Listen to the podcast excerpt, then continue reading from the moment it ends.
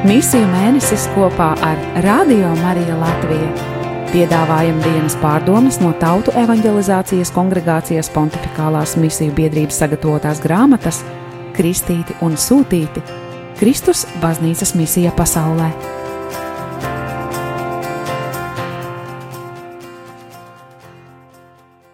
17. oktobris, 4. parastā liturģiskā laika 28. nedēļa. Svētais Ignācijas no Antiohijas piemiņas diena.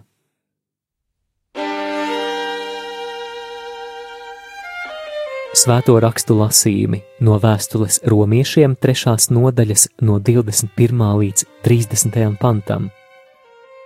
130. psalms un Lūkas evanģēlijas 11. nodaļa no 47. līdz 54. pantam.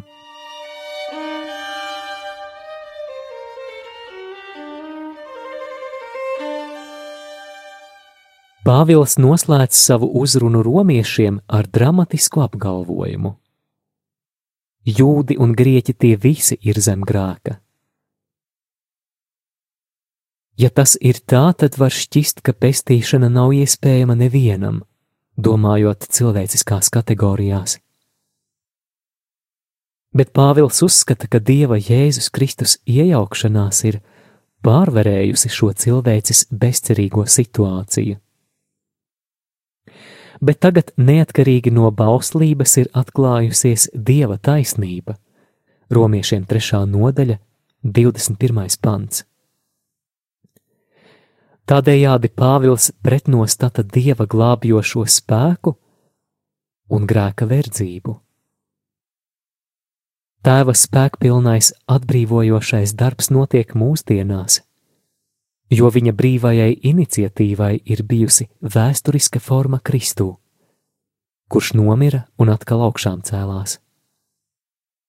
Kad cilvēks to ticībā ievēro, viņa eksistence pilnībā mainās viņš tiek atbrīvots no pakļaušanās grēka un nāves varai, un dzīvo kā uzticīgs dieva un sava tuvākā pavadonis, saskaņā ar derībai raksturīgo solidaritātes loģiku. Tas ir kā taisnīgais.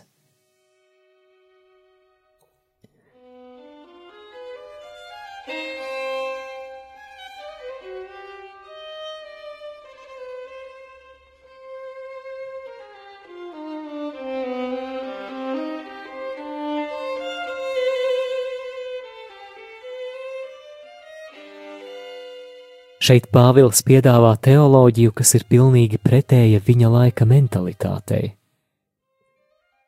Jūdaisms bija sašaurinājis dievišķo bauslību līdz absolūtai dominēšanai, atraujot to no tās būtiskākajām un sākotnējām attiecībām ar vēsturi un dievišķo derību, pieņemot, ka tā darbojas pati par sevi Rezultātā paklausība Jahvem tika aizstāta ar rūpīgu un skrupulozu recepšu un aizliegumu ievērošanu. Šis domāšanas veids izraisīja uzpūstu cilvēces pašpietiekamību savas dzīves likteņa priekšā. Izpirkšana, pamatojoties uz rabīniskajam jūdaismam raksturīgajiem bauslības darbiem, patiesībā padarīja cilvēci par sava veida reliģisku autokrātu, kas aizmirsa dievišķo un pašreferenciālo žēlastību. Tā rezultātā radās sektantiska un ekskluzīva attieksme, kas novilka skaidru līniju starp jūdiem, kuri saprata un ievēroja bauslību, un pagāniem, kuriem bija paredzēta bojāēja, jo viņiem nebija bauslības.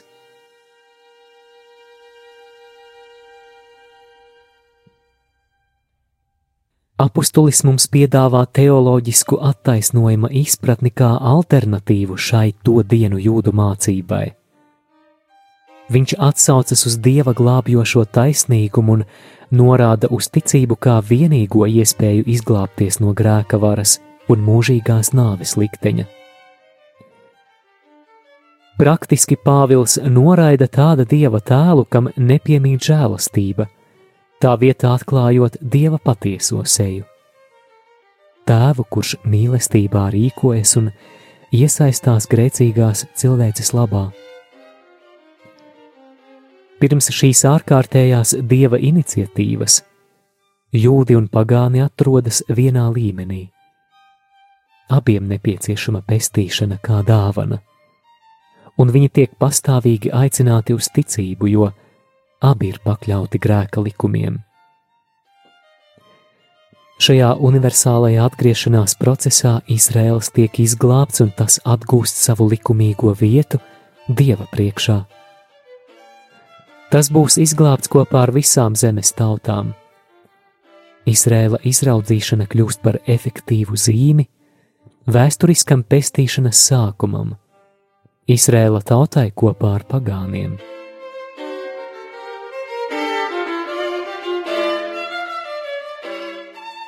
Pāvests Francisks raksta: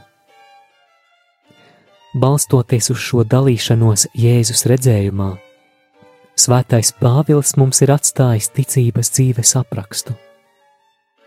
Pieņemot ticības dāvanu, ticīgie kļūst par jaunu radību. Viņi saņem jaunu sākumu, kā dieva bērni viņi tagad ir dēli dēlā. Frāze abba tēvs, kas ir raksturīga paša Jēzus pieredzēji, tagad kļūst par kristīgās pieredzes kodolu. Salīdziniet romiešiem 8. nodaļas 15. pantu.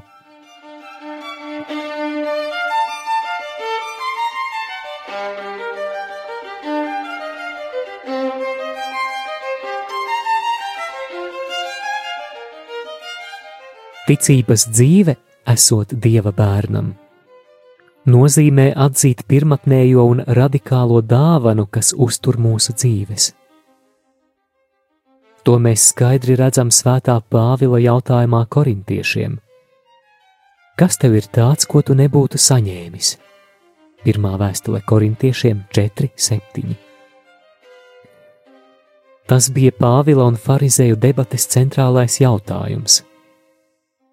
Jautājums par to, vai pestīšana tiek sasniegta ticībā vai caur bauslības ievērošanu. Pāvils noraida to cilvēku attieksmi, kuri sevi uzskatītu par attaisnotiem dieva priekšā, balstoties uz viņu pašu darbiem. Šādi cilvēki, pat ja viņi ievēro baušļus un veic labus darbus, ir koncentrēti uz sevi. Viņi neaptver, ka labestība nāk no dieva. Tie, kas šādi dzīvo, kuri vēlas būt avots paši savai taisnībai, ierauga, ka šī taisnība drīz vien tiek iztukšota, un viņi nav vairs pat spējīgi ievērot likumu. Viņi kļūst noslēgti un izolēti no kunga un no citiem. Viņu dzīves kļūst veltīgas un viņu darbi neauglīgi, kā kokam, kas atrodas tālu no ūdens. Svētais Augustīns mums vēsta savā kodolīgajā un tiešajā veidā: Nenovērsies no tā, kas tevi radījis, pat ja tu griezies pats pret sevi. Kad es domāju, ka novēršoties no dieva, es atradīšu sevi, mana dzīve sāk sabrukt. Pestīšanas sākums ir atvērtība kaut kam, kas ir pirms mums pirmotnējai dāvanai, kas apliecina dzīvību un uztur tās pastāvēšanu. Tikai būdami atvērti un atzīstot šo dāvanu, mēs varam pārveidoties, piedzīvojot pestīšanu un nest labus augļus. Glābšana caur ticību nozīmē dieva dāvanas svarīguma atzīšanu. Kā saka Svētais Pāvils, jo žēlastībā jūs esat izglābti caur ticību, tas nenāk no jums. Tā ir Dieva dāvana. Efeziešiem 2,8 no Lumen Fidei 19. Pāvils piedāvā romiešiem universālos dieva žēlastības apvāršņus, kas ir viņam uzticētās misijas pamatā un nodoti baznīcai, kas piedzima Jēzus Paskas svētkos un kuru augšām celtā kunga gars sūtīja pasaulē.